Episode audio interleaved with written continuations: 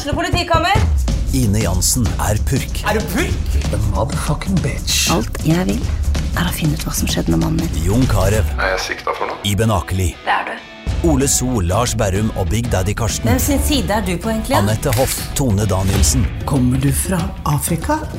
Jørnis Josef, Nesten. Kløfta. Trond Espen Seim, Det er synd å si det, men det var feil mann som døde. Purk. Premiere tirsdag på TV2 Play.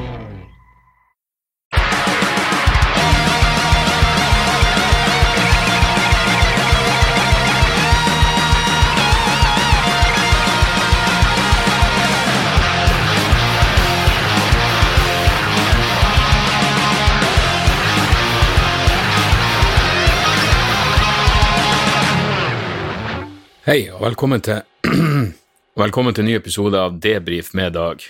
Eh, hvordan går det?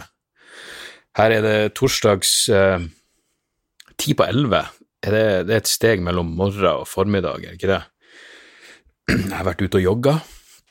Nå jogger jeg faktisk åtte kilometer på godt under 40 minutter. 39,49. Og eh, ja, det, det, det er bra. Men nå har det selvfølgelig eh, skjedd ting også på, eh, på den fronten. Eh, jeg, vet da faen, Hvis dere har opplevd noe lignende, så vær så snill å, å rope ut fortest mulig for å jekke ned noiaen min litt. Men eh, nå har jeg holdt på med den springinga i eh, Nå er det vel faen meg snart et par måneder. Og pulsen min er mellom 120 og, og sånn oppi 150 eh, i snitt. Ja, men, kanskje mellom 130 og 150. Og da tar, jo, da tar jeg meg bra ut. Men så plutselig her i forrige uke så skulle jeg gå til byen, og la plutselig merke til at uh, jeg, jeg, jeg, skal sies, jeg følte meg sliten, jeg hadde sovet dårlig. Uh, det er mulig jeg ikke hadde spist så mye som jeg burde. Jeg var på vei til byen fra show, og så, um, og så så jeg bare, mens jeg gikk, at pulsen min var faen meg 185. Og når du er 41, så tror jeg 185 er ganske nært makspuls. Så jeg prøvde jo å stoppe, jeg regna med det var noe feil med klokka. Så jeg stoppa opp, og da gikk pulsen ned, begynte å gå igjen, og da gikk den opp. Stoppa, slo av klokka, slo den på igjen. Beklager. Gjorde alt for å tilse at eh, at, eh, at det ikke var noe galt med målinga. Men det, det virker ikke sånn. Og ja, nei, pulsen min lå mellom 170 og 185 de 50 minuttene det tok meg å gå til byen. Det kan ikke være bra. Så dagen etterpå så sender jeg, sender jeg melding til eh, min gode venn dr. Bergland. Det er alltid litt rart når du ikke har prata med noen på en stund, og det første du spør om, er eh, essensielt en, en tjeneste, egentlig.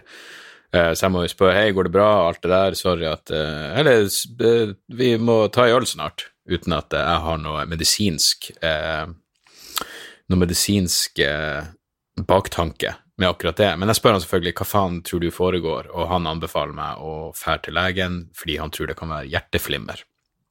Og det er jo litt noia. Jeg har jo hjerteproblem i familien, og eh, jeg innser jo at eh, når du har vært en, en lat drukkenbolt i 20 år, så kan det bli pågang for hjertet. Pågang. Det, det er strevete for hjertet å plutselig begynne å, å eh, ja, når jeg plutselig begynner å jogge. Så skal det sies at jeg har slitt med panikkangst i mange år, og da er jo pulsen generelt høy. Eh, Søvnapneen har gjort at pulsen har blitt høy. Og jeg husker når jeg, jeg dro til lege med de jævla panikkanfallene mine, så tok jeg en EKG, uh, som vel er det jeg må gjøre denne gangen også, og da så alt fint ut. Uh, når jeg, uh, I forbindelse med den søvnapné-utredninga, så sjekka de vel også hjertet mitt, og alt så fint ut, men det kan selvfølgelig ha skjedd ting på de fem årene siden, siden jeg sist ble sjekka. Så på mandag skal jeg inn og få undersøkt det her. Og det er litt sånn ekkelt, men jeg spurte jo eh, Jonas sånn, kan jeg fortsette å jogge, og han bare absolutt, det er null stress. Og i dag, som sagt, sprang jeg jo åtte kilometer, og eh, jeg var kanskje oppe i 160 i puls, men, eh, men ikke noe mer enn det. Men det er litt sånn, øh, det er litt ekkelt. Så, øh, så jeg skal i hvert fall få, få sjekka det ut. Så jeg har ikke lyst til å dø under en joggetur, det ville vært Bill Hicks hadde den vitsen om Jim Fix, som er som elska å jogge og skrev bøker om jogging, og det var jogging, jogging, jogging, og så døde han mens han jogga. Men betyr det egentlig ikke det? Jeg, jeg tenker på det, betyr ikke det at han, han døde mens han elska det han gjorde? På samme måte som Elvis eh, døde på dass etter en kokainoverdose eller et eller annet. Det, du, du, dør når du gjør det du liker å gjøre. Så jeg vet da faen, men jeg har ikke lyst til å dømme den seiogge, fordi selv om det skal sies, jeg har begynt å like det greit nå. Jeg gruer meg i hvert fall ikke, og det er jo et, eh, et steg opp. Uh, og så Nå gjør jeg totalt faen i om jeg møter folk på veien. alt det, Jeg kunne ikke brydd meg mindre. Jeg tror jeg, jeg, tror jeg hadde sånn imposter syndrome, hvor du liksom føler at du gjør noe som du egentlig ikke burde gjøre når jeg jogger, mens nå føler jeg at hei, jeg er i relativt god form, så fuck off. Og det er jo ingen som bryr seg, selvfølgelig. Utenom det, tredje verdenskrig, eh, det var jo sånn denne uka begynte. Jeg tenkte blir det starter opp nå, eh, etter at eh, etter at eh, sånn Huti-militser, visstnok det var i hvert fall det de sa, angrep eh, de jævla oljefeltene i Saudi-Arabia, men så klarte Trump å legge skylda på Iran, og det er fortsatt eh, litt uklart hva som har skjedd. Herregud, jeg tror faen meg Trump han er virkelig Twitter-kriger. Han, han, har nok en fetisj for det amerikanske militæret og hvor stor og sterk de er, men han virker ikke som en krigshisser når alt kommer til alt. Jeg mener, Hadde Hillary Clinton vært president, så ville ikke jeg vært overraska om eh, det hadde blitt et, eh, et, angrep på Iran ganske umiddelbart. Men det her er faen meg Det er skummelt. Og det, det, eh, det, var, Jeg tror det her var på mandag, men det kom samme samtidig som det liksom er eskalering i konflikter mellom India og Pakistan over Kashmir. Og det er liksom Ja, det er to atommak atommakter som som står mot hverandre, mot hverandre, der. I tillegg skal det legges til at USA er høyst medskyldig i at Pakistan har atomvåpen.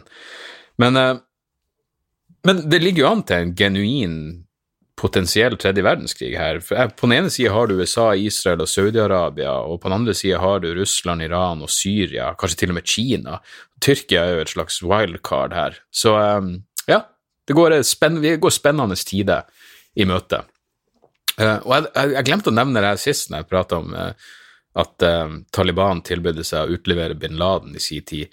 Nå, Faen hvor mye kritikk Trump har fått fordi han en gang hadde forhandlinger med Taliban og inviterte dem til Camp David. og alt det. Jeg så en sånn klipp fra Colbert Report hvor han bare Colbert sier sånn uh, at eh, Trump eh, inviterer Taliban til Camp David rett før 9-11, det er som om Nei, det er ikke som om noen ting Som om det er galt at han starter forhandlinger med de her folkene. Hva du vil, Colbert? Skal vi fortsette den snart 20 år fuckings lange krigen? Skal vi fortsette den, eller er det kanskje på tide å ha noen forhandlinger? Jeg kan selvfølgelig også si at USA burde bare trekke seg ut, fuckings få ut alle vestlige styrker fra Afghanistan uten noen jævla forhandlinger. Men det kan kanskje være en god idé å legge noe noe grunnlag for, uh, for fremtida der, i, den grad man, man kan.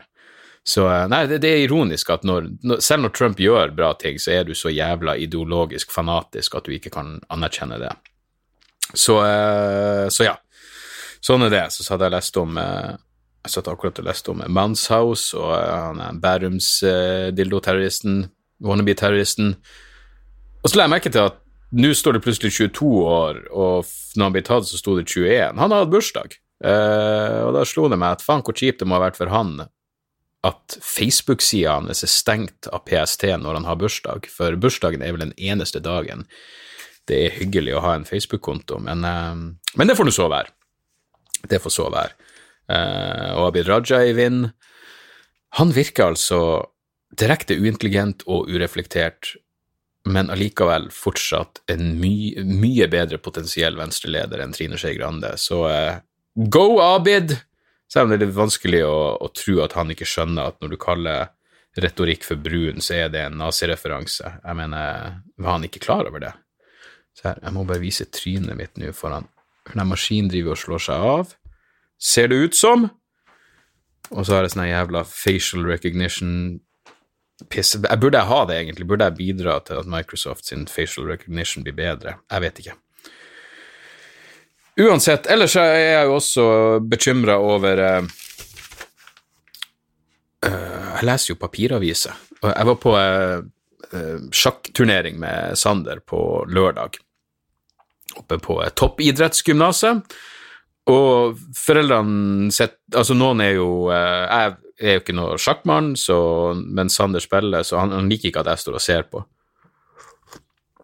Så, eh, så jeg satt nå og leste aviser. Noen foreldre har sett på telefon, veldig mange sett på telefon, noen følger jo med. Det, det er alt mellom himmel og jord der. Men det er første gangen jeg nesten har følt litt sånn kompleks over at jeg satt og leste i papiravis, for jeg hadde med meg Klassekampen, jeg hadde med meg Morgenbladet. Eh, Aftenposten leser jeg bare digitalt, men det, det, det, var akkurat sånn Jeg følte meg litt sånn Jeg følte meg gammeldags for første gang, selv om jeg sverger til papir. Jeg, papir er bedre enn digitalt. For, og, og, også med Klassekampen så er det jo bare fordi uh, Papirabonnementet, da får du også et digitalt abonnement, og du kan ikke velge bare et digitalt abonnement, så hvorfor ikke? I hvert fall, poenget mitt var um, på mandag hadde Klassekampen De har en sånn uh, en serie om lesing i Norge i forbindelse med bokåret 2019. Og på mandag så var det en forfatter som heter Bjørn Sortland, som hevda at dagens barn sliter med teksttunge bøker. Uh, at unger vil ha bøker med mye bilder og stor skrift, og at ungdom nå leser barnebøker. Og at det å lese i 15 minutter var sett på som, uh, hva var han kalte det, helt Himalaya. Det var ungdomsuttrykket for at eh, hvem i faen? Altså, hvis det å lese i 15 minutter i ditt hode tilsvarer det å komme seg Altså, hvis det tils, tilsvarer noe jævla klatreekspedisjon i Himalaya, så da, da, ligger vi tynt an. Men det mest forstyrrende var en paragraf om at mange unger for, for her, er, her, er, greia. liksom, Jeg, jeg vokste opp med å lese. Uh, jeg hørte også på Radioteater, som vel var uh, sin tids podkast. Jeg vet da faen. Men jeg, jeg, kan huske at jeg satt i Jeg hadde ikke hodetelefonen heller, så jeg satt bare inntil høyttaleren og hørte på, på Radioteater. Det var sånn krimhistorie. Og um, jeg syntes det var veldig interessant, og ble da bevisst på de mentale bildene som Jeg, jeg tror det var første gangen, for jeg var ganske ung, første gangen jeg ble bevisst på, på det å lage sine egne bilder i hodet eh, også eh, bare når du hører på noe, ikke sant? Ikke, ikke bare når du ser, leser noe. Eh, og hvordan det var i kontrast til det å bare se en film eller en serie eller TV hvor noen du bare får presentert alt det visuelle. At jeg blir bevisst på at det er interessant å lage sine egne mentale bilder av ting. I hvert fall, det som sto i denne artikkelen, var at eh, mange unger eh, sliter med at de leser men de får ingen mentale bilder. De klarer ikke å forestille seg det de leser. Jeg tror Harry, Harry Potter var eksempelet. Det er faen meg det skumleste. Det er en ting med konsentrasjonsevne, det er det at du ikke klarer å konsentrere deg om å lese i 15 fuckings minutter. Det kan gjøres noe med, men hvis du ikke har noe indre fantasi Hvis du, hvis, hvis du leser Harry Potter og ikke Nå har ikke jeg lest Harry Potter, men jeg kan se for meg at det dukker vel opp noe, noe visuelt oppi skallen din når du leser det. Hvis det ikke skjer, hva faen har det indre livet til unger blitt ødelagt av den nye digitale hverdagen, det er faen meg det er det, det, det skumleste jeg har lest på lenge. Uh, og nå i dag så er det en uh, Så fortsetter den der serien, og da handler det om at lydbøkene har inntatt skoler. Og igjen, jeg elsker lydbøker. Jeg digger det. Nå er det faktisk noen her som uh, Her er da vel snakk om videregående skole. flere av elevene sier at de foretrekker papirbøker, eh, men det er noen fra eh, Hvor faen var det? Foreningen Les. Foren, vi i Foreningen Les er glad for alle som oppsøker bøker, enten det er lydbøker, papirbøker eller e-bøker. Finner det veien inn i bøkenes verden via lydbøker, eller det er topp. Det ene formatet er ikke bedre enn det andre. Jo, det er det. Det å lese på papir er vel beviselig det beste alternativet, hvis du har lyst til å faktisk klare å huske hva du har lest som jeg går ut ifra at videregående, altså skolestudenter generelt, er ganske opptatt av å faktisk huske. Og som sagt, jeg elsker fuckings lydbøker. Jeg digger det. Uh, av og til kombinerer, og det blir jo påpekt her også at det går an å kombinere. Av og til så, så, så um, leser jeg boka, og jeg hører på lydboka. Og faktisk, jeg kom meg jo omsider igjennom. Det tok meg faen meg nesten altså på og av et halvt år å komme meg gjennom The Age of Surveillance Capitalism av Shoshana Zuboff. Men den boka leste jeg i tillegg så hørte jeg noen kapittel på lydbok som jeg allerede hadde lest, og hvis jeg hørte det videre, så leste jeg det jeg hadde hørt, fordi det var så jævla mye Det var så tetthet av informasjon der. Men jeg, jeg kunne ikke bare hørt den boka og, og sittet igjen med, med, det jeg sitter igjen med nå, hvor jeg faen meg har, hvor har merka og streka under annenhver annenhver av de jævla 700 sidene i den boka. Eh, det hadde ikke gått med lydbøker. Og jeg kan huske jeg har hørt lydbøker som jeg kun hører på lydbøker, og så setter jeg bokmerker i Storytel, men, men det å gå tilbake på det er jo fuckings knotete. Men igjen, det er liksom det, det er spesifikke lydbøker hvor jeg kan huske hvor jeg gikk. Altså, la oss si du går og hører på et eller annet, og så så er det noe informasjon eller et eller annet du biter deg merke i, som er, så er sånn Fuck, det har ikke jeg tenkt på. Og da kan jeg huske hvor jeg var. Jeg husker at jeg gikk rundt Østensjøvannet og, og hørte på jeg, vet Hva faen enn det var, Hello World eller noe sånt. Og så, og så var det et eller annet jeg beit meg merke i, og jeg tok og bokmerka det. Jeg har ikke gått tilbake på det, men jeg kan huske hvor jeg var når jeg hørte spesifikke ting. Så, så men det er jo det de sier med, med papirbøker òg, bare det at de, de, har forskjellig størrelse og ser forskjellig ut, så, så, er det et eller annet med det som gjør at du klarer å huske ting bedre. Du kan gå tilbake, du kan visualisere sider på en måte som du ikke kan gjøre med e-bøker. Men jeg tror det er noe tilsvarende med lydbøker, at du husker hvor du var når du hørte et eller annet spesifikt. Og i tillegg, podkast er jo fantastisk. Jeg får jo sykt mye av hva en slags jævla mental input jeg får via podkaster. Så jeg, jeg, jeg, jeg, kritiserer virkelig ikke lyd. Jeg elsker lydbøker, jeg elsker podkaster. E-bøker er ikke min greie i det hele tatt, men, men faen. Papirboka må ikke forsvinne. Og hvis jeg utviste noe selvbevissthet i forhold til det å, å sette meg i papiravis, greit nok, det tar jeg på min kappe, men å sette meg i papirbøker kommer jeg aldri til å fuckings skamme meg over. Og den dag i dag når jeg ser noen på T-banen som bare sitter og leser i bok, så får jeg nesten lyst til å bare klappe dem på skuldra og gi dem en tommel opp, uansett om de leser Harry Potter. For jeg innser jo nå at det at jeg kritiserte voksne folk som leste Harry Potter, de leste i hvert fall et eller annet, og, og, Harry Potter var jo bra. Unger leste Harry Potter, for faen. Det er jo, de det er jo tjukke bøker. Sander har alle de Harry Potter-bøkene liggende, så de er faen meg 500-600 sider, er ikke det? Tjukk som faen. Tett skrift. Ingen bilder, så vidt jeg vet. Så uh, jeg, jeg, jeg, er litt bekymra for fremtida på grunn av det her. Som dere, som dere sikkert hører. Med det sagt så har jeg lagt merke til at jeg husker faen ikke navn i serier. Jeg sitter og ser hele sesonger av ting og får med meg handlinga og kunne gjenfortalt i ganske greit detalj, detalj, på ganske greit detaljnivå hva som har foreløpt seg. Hva faen som har skjedd, men fuckings navnene husker jeg ikke i det hele tatt. Jeg må gå inn på IMDb og se hva de forskjellige heter, og det jeg vet ikke hvorfor det er. Er det det at jeg ikke følger ordentlig med? Jeg følger jo med, for faen, men jeg merker meg ikke navn. Altså, jeg fant akkurat en artikkel nå på Medium om uh, hvor uh, enkle teknikker for å huske folk sine navn, og hvordan det er en undervurdert sosial uh, hvordan det er undervurdert sosial kapital i det å huske navnene til folk. Samtidig, ingen, det er ingenting jeg avskyr mer enn når folk bruker navnet mitt når vi ikke kjenner hverandre. Ingenting. Det er liksom, jeg husker det når jeg intervjua Per Fugelli i Sandnesministeriet. Vi gikk helt greit overens, men han drev hele tida og sa 'men du vet, Dag', 'å, du vet, Dag'. Jeg, ja, jeg, kanskje jeg nevnte det før, men jeg hadde lyst til å si 'ja, men du vet, Per'.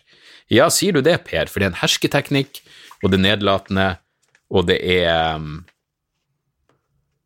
Hersketeknikk, nedlatende, og det er Det er nesten noe passiv-aggressivt over det. Og fy faen når telefonselgere ringer, og du hører dem de bare begynner 'Hei, Dag, er det du, Dag?' Og det er sånn jeg legger på umiddelbart. Det er mulig jeg går glipp av noen viktige business-samtaler av den grunn, men eh, ikke bruk navnet på den måten, for faen.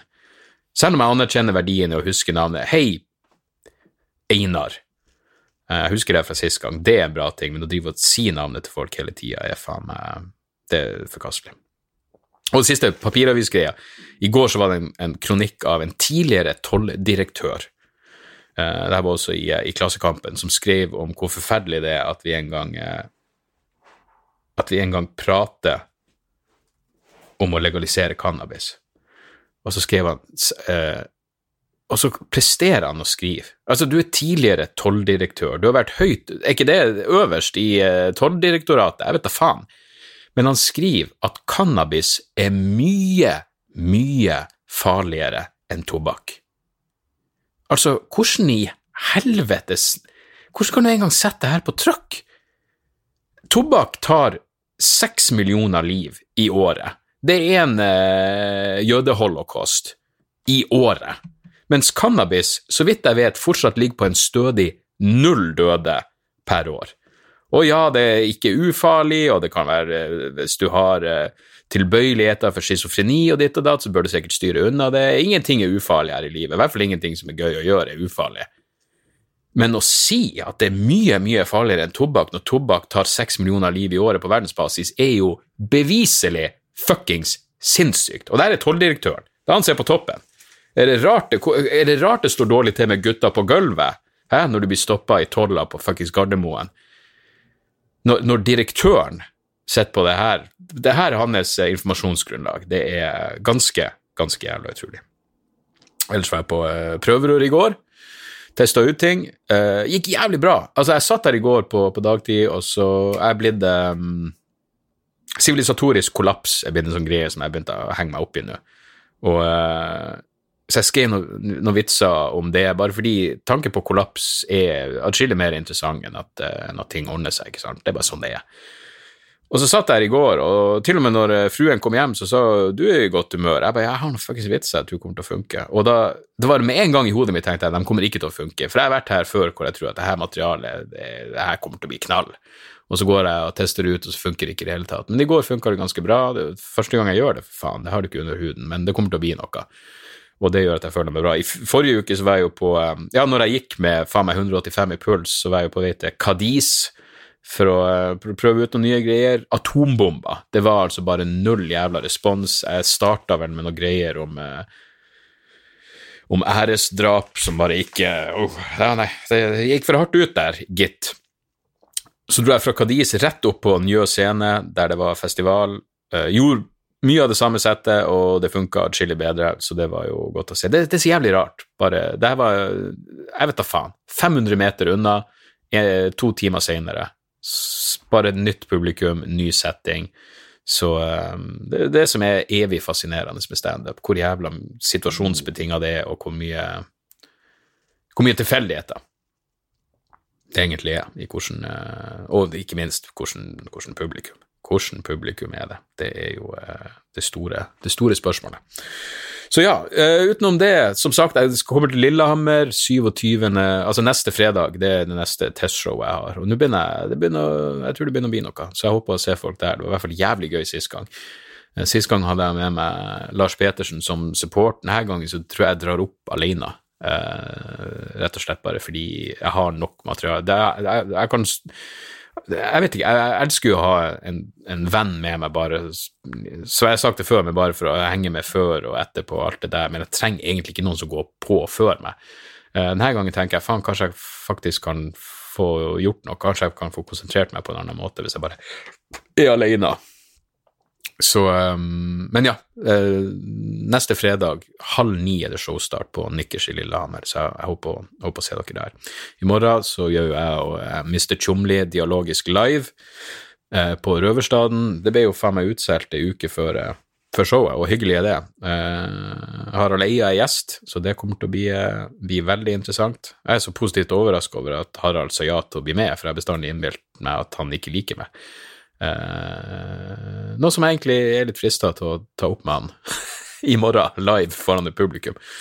Så, eh, men uansett, det blir eh, jævlig, jævlig hyggelig gjort av han å, å, si ja til det, og han er jo i høyeste grad en interessant tenker, og slår meg som en type som kan være med med å bare riffe om hva som helst. Altså hvordan som helst tema. Så det tror jeg blir, eh, det blir jævlig interessant. Men jeg merker at det er litt sånn nerver. Dialogisk live er fortsatt ikke Det er litt ut, utenfor min eh, komfortsone enda. Når vi først kommer i gang, så er det greit, men det kan være litt sånn uh, litt, uh, litt kinky i starten før man kommer, um, før man kommer ordentlig i gang. Så bare si om det var noe mer jeg hadde. Jeg har jo ei lita en lita liste her. Ja, og så har jeg også Jeg vet ikke. Uh, jeg er veldig fascinert av uh, Nick Bostrom. Um, uh, han er filosof og forsker vel på eksistensiell risk. Uh, så, sånn som jeg begynner å bli fascinert av kollaps og alt sånt, jeg ser jo han en interessant tenker. Men uansett, han var på Joe Rogan, og Nick Bostrom er vel mannen bak ideen om simuleringsargumentet, det at, at gitt visse premiss, så er det stor sjanse for at vi lever i en simulering. Det her prøver han å forklare til Joe Rogan, og jeg skjønner bare ikke hvorfor, hvorfor leste ikke bare Rogan den jævla det, det simulerings... Uh, jeg tror den heter det Simulation Hypothesis. Det er liksom det, det er 20-25 sider, det ligger online. Hvis han, bare, hvis han bare hadde lest det før den samtalen, så hadde den samtalen blitt adskillig mindre frustrerende. For helvete, den siste timen av den samtalen. Jeg hadde jo gledet meg som faen, ikke sant? Det er kunstig intelligens, det er eksistensiell risiko, det er alt det her. Simuleringsteori er jo sykt fascinerende. Og så ble det bare Hele samtalen bare stoppa opp av at Rogan ikke forstår premissene som ligger til grunn for ideen. Og da, da kommer man ingen jævla vei, og gud velsigne Nick Bostrom for hans uh, tålmodighet der, men uh, så, så det, var, det, var litt, uh, det, var, litt, frustrerende. Og så var det en, en, person som sendte meg et opptak av Nick Bostrom på svensk radio, så takk for det, forresten, kompis, det satte jeg stor pris på. Um, Bostrom er en interessant, en interessant tenker, og han, han har også hva kan man kalle det, en artikkel, et paper, som heter The Vulnerable World Hypothesis, som er jævlig interessant, som også som ligger online. Uansett, jeg tenkte jeg skulle ta par mailer. Uh, vi se her Det samler seg opp litt, og igjen, jeg setter jævlig stor pris på absolutt alle mailene. Og jeg setter pris på tips. Noen skriver uh, Jeanette skriver Hei, Dag. Traff en god latter på østsida, tok med venninna mi, og vi storkoste oss, lo som faen. Tok en ride tur, retur Kvadraturen østsida den kvelden, og det ga i seg selv en god oppvarming. Vil bare si at du er kul. Jan Tore var faen ikke verst, han heller. Nei, han er ikke verst. By the way, om du likte Easy på Netflix, sjekk ut High Maintenance på HBO. Litt svartere og mer drugs, vittig. Fortsatt god helg. Takk for tipset, Jeanette. Det skal jeg absolutt uh, sjekke ut. Um, ja.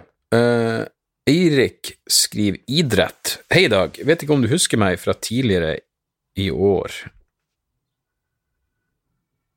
Uansett, digger podkastene dine og føler meg alltid litt smartere og mer reflektert etter en episode. Hva tenker du om barn og idrett? Vil du at Sander skal drive idrett? Grunnen til at jeg spør er fordi jeg selv vokste opp med idrett og deretter, og deretter lagt min elsk på det, og nå som jeg har barn selv, vil jeg gjerne at de skal drive med idrett fordi jeg har god opplevelse med det. Er det naivt eller fornuftig? Hilsen Eirik. Faen, er det interessant at det kommer opp et bilde av Eirik Fjellaksel.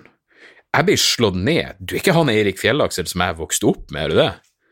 Jeg mener bestemt jeg hadde en Eirik Fjellaksel som uh, jeg gikk på skolen med, og som slo meg ned med bok... Vi var hjemme hos han.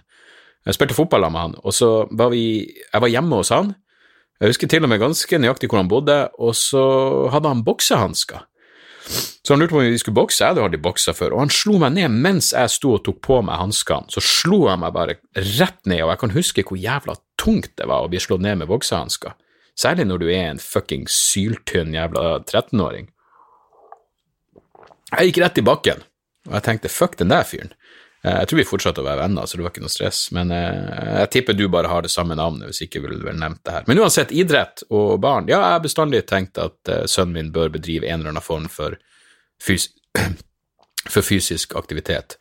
Så når vi flytta hit til, til Manglerud, så fikk han til å Så starta han på fotball, fordi eh, jeg ville se om han var interessert i det, og fordi det var det jeg holdt på med, og det er en veldig naturlig idrett, men mest for det sosiale, så han ble kjent med med andre unger her. Fant jo fort ut at eh, fotball ikke var for Sander i det hele tatt. Uh, han, han, likte ikke det, og han var, han, var noe, han var, ikke noe, god til det. det jeg husker at jeg fikk litt sånn selv Det gikk liksom litt på For av og til så tror jeg faen ikke han visste hva som var motstanderen sitt mål, og hva som var hans eget mål. Uh, han, han, ga bare faen, han var ikke interessert i fotball, og det stressa meg nesten litt som far at jeg sto der og så og tenkte faen, må du skjerpe deg litt? Men det er jo igjen bare fordi fotball var min greie, jeg var god til det. Um, så det var jo ikke for han. Så begynte Sander med svømming, likte det veldig godt, og nå svømmer han godt.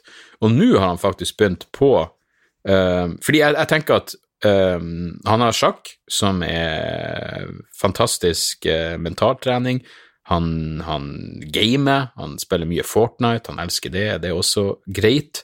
Um, men jeg vil at han skal gjøre noe fysisk, så nå har han begynt på jiu-jitsu, brasiliansk jiu-jitsu og fuckings kickboksing. Så hvis han fortsetter med i hvert fall én av dem, så syns jeg det er helt topp. Og det syns jeg er fantastisk, bare på grunn av, ikke bare pga. det fysiske, og liksom han kommer til å lære litt selvdisiplin og få utfordre seg, men faen, altså jeg kommer til å bli så letta hvis han bare lærer seg selvforsvar, for jeg tror du går lettere gjennom livet hvis du Hvis jeg skulle leve på nytt igjen, så tror jeg det er en av de tingene jeg ville gjort, var å lære meg selvforsvar. Bare fordi jeg vil tro det gir deg en sånn En sånn um, Ja. Uh, kanskje jeg prata om det før? Jeg vet da faen. Nå fikk jeg i hvert fall en deja vu. Det er en glitch i Matrixen, så jeg fikk deja vu nå. Men, uh, men, ja, jeg tror det er veldig bra å kunne, kunne selvforsvar. Så um, så sånn er det. Men ja, barn og idrett, jeg syns det er øh, veldig naturlig, og idrett kan være så mangt. Og jeg har innsett at sønnen min ikke noe, han er ikke noen lag, lagidrettperson, men, øh, men uh, særlig kickboksinga digger han, så det, det gjør, meg, gjør, meg, veldig glad. Silje skriver 'ta doktorgrad?' spørsmålstegn. Hei, Dag, veldig bra podkast og blitt avhengig. Hvis du skulle tatt en doktorgrad, hva skulle den handla om?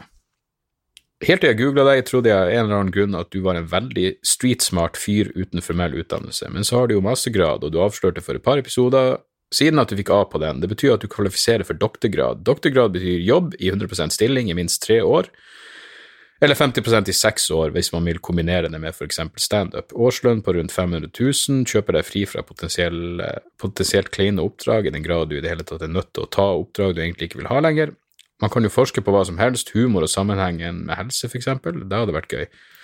Kunne sortert under et institutt for psykologi, samfunnsmedisin eller medievitenskap. Du er akademisk anlagt, det kan man høre. Du vil kunne avlegge den morsomste disputasen, disputasen, disputasen. I manns minne, legg den opp som et standup-show. Jeg kommer. Hva du tror? Uh, det, det uh, for det første Hvis jeg skulle ta Jeg, jeg søkte på doktorgrad eh, rett etter at jeg var ferdig med mastergraden, men søknaden min var veldig halvhjerta, og en del av meg tror at jeg gjorde det fordi jeg visste at det var egentlig humor jeg hadde lyst til å satse på. Men jeg hadde skrevet mastergraden mye om krigen mot terror. Eh, det var en slags en eh, komparativ analyse av eh, hvordan eh, kommunisme var brukt som et påskudd i den kalde krigen til intervensjoner som egentlig ikke hadde noe med kommunisme å gjøre, og, i hvilken grad terrorisme nå blir brukt på samme måten i forbindelse med primært invasjonen av Irak. Um, så hvis jeg skulle ta doktorgrad nå, måtte det vel være i engelsk og handle om Ja, nei, jeg, jeg vet ikke. Det, det, høres ut, det høres ut som et styr. Uh, men det er klart, hvis jeg kunne gjøre det over seks år, 50% så Men jeg, jeg, kunne vel ikke tatt det Jeg kunne vel ikke begynt med noe som hadde med psykologi eller samfunnsmedisin eller medievitenskap å gjøre. Jeg må vel gjøre noe innenfor engelsk, går jeg ut ifra, siden det der har mastergraden min. Nå skjønner jeg jo at uh, der kan man gå ganske vidt ut, men uh, Men jeg vet ikke. Det er jo en fin tanke. Um, jeg har ikke jeg har, jeg, har, jeg har, ikke tenkt noe mer på det. Jeg la liksom det akademiske bak meg når uh, humorgreia begynte å funke, og jeg trenger ikke det her for å få ting til å gå rundt. Men, uh, men takk for tanken. Det er absolutt uh, noe å ha i, i bakhodet. Og interessant mail. Jeg hadde, ikke, hadde, egentlig ikke tenkt på det. Nå går jo faen meg tida unna her, og jeg er nødt til å jeg er nødt til å forberede På søndag skal jeg gjøre standup etter en gudstjeneste eh, til denne piloten. Eh, så får vi se hvordan, hvordan det går, eh, men jeg er nødt til å skrape sammen ei, settliste til det. Det blir, det blir, interessant. Presten vil ha meg opp under gudstjenesten, fordi måten det skal fungere på, det er en del unger der, og, og Altså under selve gudstjenesten, så presten vil ha meg opp under gudstjenesten for å liksom eh, promotere at hei, når det her er over, så er det en fyr som skal ha standup her, så det er veldig fint hvis ikke alle går. Men han mener at kanskje en 200-300 kommer til å bli igjen eh, for å høre på meg. Og han mener at det da kan hjelpe at jeg kommer opp under selve gudstjenesten. Så det her blir jo faen meg langt utenfor komfortsonen, men eh, spennende. Eh, så om det da blir ja, kanskje 50 stykker blir igjen, jeg tror det er alt man kan håpe på. Men eh, jeg vet liksom ikke hvor interessert kristne folk er, som er såpass kristne at de går på en gudstjeneste på en søndag med i ei spesifikk menighet, hvor interessert er de egentlig å få uh, overtroen sin uh, utfordra? Det, det, er jeg ikke helt sikker på. Men uansett, det blir spennende. Men uh, det er det jeg må gjøre. Vi tar en mail til. Erlend skriver Hitchens og Irak, noe vi nå først var inne på. På sånt. Hei, Dag, takk for bra pod. Ettersom du er interessert i både Christopher Hitchens og krigen mot terror, lurte jeg på hvilke tanker du har om Hitchens posisjon til Irak-krigen. Hitchens var som kjent for regimeendring i Irak og støtta USAs inntreden, men på andre premisser enn hva Bush og co. presenterte. Tenkte det kunne vært spennende å høre dine tanker om dette. Hilsen Erlend i Sør-Korea. Fuck yeah. Uh, jeg syns Hitchens forsvar av Irak-krigen var direkte flaut. Ikke bare, Han, han påsto at han var en av han var en viktig del av det at det i hele tatt ble en uh, Irak-krig, at han, uh, han bedrev lobbyvirksomhet, og, og, ble jo etter hvert uh, venn med Paul Wolfowitz, som var i, i Bush-administrasjonen, og, og, og, mente at jeg var en person med, med et hjerte som blødde for de undertrykte i verden, og det er jo bare fuckings flaut. Og det flaueste er jo at på, denne, sam, sam, på det samme tidspunktet så var jo Hitchens så ekstremt eh, religionskritisk, det var jo hele hans nisje. Så hva syntes han da om at eh, det ble styrta et Si hva du vil om Saddam Hussein, eh, og der er det mye å si, blant annet det faktum at USA støtta han gjennom hans verste forbrytelser. Til og med mange av de samme folkene som satt i Bush-administrasjonen, støtta Saddam Hussein gjennom hans verste forbrytelser, og det her visste jo Christopher Hitchens, og følte ikke for å nevne det. Men si hva du vil om Saddam Hussein, men Hitchens så altså ikke ironien i at den høyst sekulære Saddam Hussein, den ikke-religiøse Bath-regimet, ble styrta, som igjen bare førte til at eh, rabiate islamister tok over i stor grad det landet.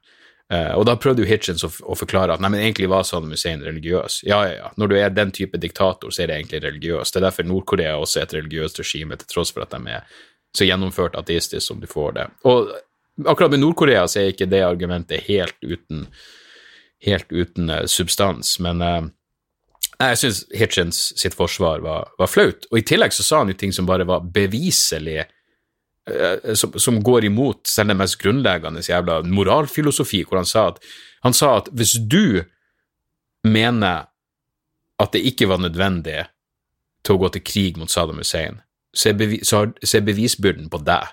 Han sa med andre ord at hvis du mener at vi ikke burde gå til angrep på noen, hvis du mener at vi ikke burde utføre, utføre vold, så, du, så ligger bevisbyrden på deg, som syns at vi ikke skal Eh, eh, utføre en angrepskrig. Det snur jo alt helt på hodet. Hvis du skal gå til angrep på noen, så er det du som må forsvare det.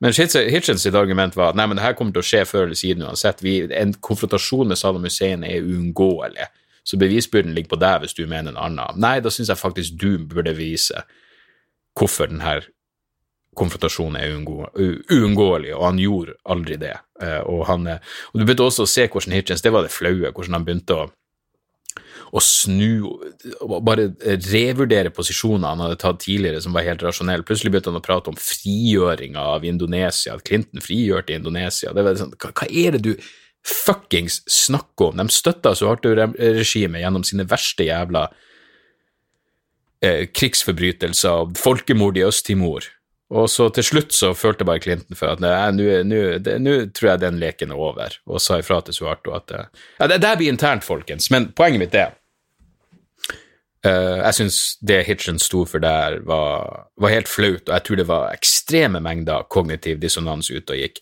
Pluss at han, han, han ble en gang intervjua um, uh, i Counterpunch, er jeg ganske sikker på, som er ei sånn venstreradikal side, hvor han blir spurt om um, den åpenbare ideen om at uh, Irak var en krig for olje, som Chomsky sa, ville, ville de invadert Irak hvis hovedeksporten til Irak var bananer? Nei, jeg tviler på det. Og da sa Hitchens bare ja, hva så om det er en krig for olje? Jeg vil heller at vi kontrollerer olja enn Saddam Hussein. Så det var jo, om ikke annet, ærlig. Men uh, nei, Hitchens var flau. Og når, sa, når Hitchens sa at han ble amerikansk statsborger delvis fordi da visste han at han kunne bli verva til krig Det er sånn, ja, Mm, absolutt. Det amerikanske militæret er ute etter en middelaldrende alkoholik, bleikfeit alkis. Det er det, de, eh, det er det de vil ha på frontlinjen i krigen mot terror. Eh, men med alt det sagt, jeg elsker Hitchens. Jeg syns han var en dypt fascinerende person og briljant. Og eh, jeg har lest mange av bøkene hans, jeg likte selvbiografien hans veldig godt, men akkurat når det kom til, til krigen mot Og la meg si det også, jeg er helt enig med han i at jihadisme må konfronteres og uh, militært. Jeg tror ikke det er noe vei utenom det. Uh, men, uh, men, angrepet på Irak var bare en grusom jævla krigsforbrytelse.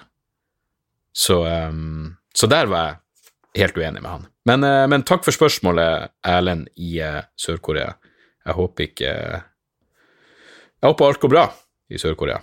Jeg håper at Ja, nå er jeg faktisk usikker på hvordan er det med med godeste Kim og, eh, og, Trump, er de kompiser igjen nå? Det går litt frem og tilbake med om eh, liksom I det ene øyeblikket truer Trump Nord-Korea med total utslettelse, og i neste øyeblikk så er det broder Kim, så jeg vet ikke helt. Vi får se. Men uh, takk for spørsmålene, takk for at dere hører på. Jeg vet det der ble jævla Det blir mye intern uh, mastergradprat på slutten der, men uh, hvis dere skal lese noe av Christopher Hitchens, God is not great er jo uh, en veldig bra bok, men les Letters to a Young Contrarian, ei tynn bok med hans tips til, uh, til, ungdommen. Den er fin som faen og kan anbefales på det varmeste. Uh, det var det jeg hadde. Vi, vi, høres igjen neste uke. Da blir det oppdatering på hjertet mitt, vil jeg tro og, eh, og, alt det der. Um, ja, er du i Oslo, så står jeg vel, driver, står jeg vel på Latter hele neste uke, utenom fredagen, hvor jeg er i Lillestrøm. Så uh, ja, og er dere i Bodø, selvfølgelig, så går jeg ut ifra at dere skal sjekke Kevin Kildahl sitt nye show Skamlaus eh, på fredag og lørdag på, på, Stormen. Det blir nok helt jævla knall. Um, ja, utenom det, for faen, jeg har glemt tipsene. Kjappe tips, for helvete. Det er jo kommet noe fantastisk jævla musikk. Crypt Sermon. Hvis dere liker doom eller bare klassisk metal, herregud, The Ruins of Fading Light av Crypt Sermon. Det er topp oh, Jeg tror faen meg jeg sier topp tre av det som er kommet ut i år så langt for meg. Crypt Sermon, The Ruins of Fading Light. Fantastisk. Sykt bra vokalist. Av og til høres det ut som Megadeth i refrenget, og så er det Candlemass, og det er Doom, og det er nydelig, og produksjonen er fuckings moderne, noe jeg elsker. Jeg elsker en, moderne, jeg elsker en god produksjon. Jeg kan skjønne at Doom metal av og til du vil Nei, jeg liker en klar og tydelig god produksjon. Jeg liker alt Metallica hater, liker jeg. En god produksjon. Um, og det nye kommet to nye Ghost-låter. Eh, det er vel en syv-inch, uh, Seven Inches of Satanic Panic. Særlig den låta Marion Cross. Fuckings helvete så catchy Ghost er Jeg elsker det bandet. Det, det, det, er popmusikk, men det er nydelig popmusikk, og særlig låta Marion Cross er jo helt nydelig. Så, så sjekk den ut. Og så serie Succession. Jeg hadde hatt Succession på uh, på uh, lista mi lenge over noe jeg hadde lyst til å sjekke ut, og, men så var jeg på en jobb med Sigrid, Sigrid Bonde Tusvik, og så spurte hun Serious Succession, og jeg sa nei, og hun sa det er jævlig bra. Og da var det sånn ja, da skal jeg flytte det opp på lista. Gjorde det. Elsker det. Fuckings elsker det. Sånn som jeg og dama driver og ser City on a Hill med Kevin Bacon. Og i går så var vi på episode fem, som betyr at vi er halvveis i første sesong, og så måtte jeg bare si til, og er ikke det her en uh, er ikke det her bare en, ikke det her bare en terningkast fire-serie? Er ikke denne serien helt flat? Det er null progresjon. Karakterene er ganske A4 og veldig lite likende. Gidder vi mer av det her? Det er så mye der ute. En, en svak terningkast fire, det, det, gidder ikke jeg å se på. Det er ikke bra nok lenger når det er så sykt mye utvalg. Så vi bare kutter Sirian Hale. Succession, derimot, det gleder jeg meg til hver jævla episode. Gud, for en skakkjørt familie med amoralske svin. Men det er altså så jævlig fascinerende. Og så sinnssykt bra skuespillere. Helvete, altså. Den, nei, Succession kan, kan anbefales på det aller, aller varmeste. Så det er der vi er, folkens. Takk for at dere hører på. Mailer med spørsmål, innspill, hva som helst kan sendes til debrifpodkast.gmail.com. Rate and review, spre ordet. Jeg fuckings elsker dere, alle som er en. Jeg håper det går bra med hjertet mitt. Morty Dog ligger her, alt går fint med han, fortsatt frisk som en jævla fisk. Alt er vel. Eh, ta vare på dere sjøl, og så høres vi neste uke. Tjo og hei.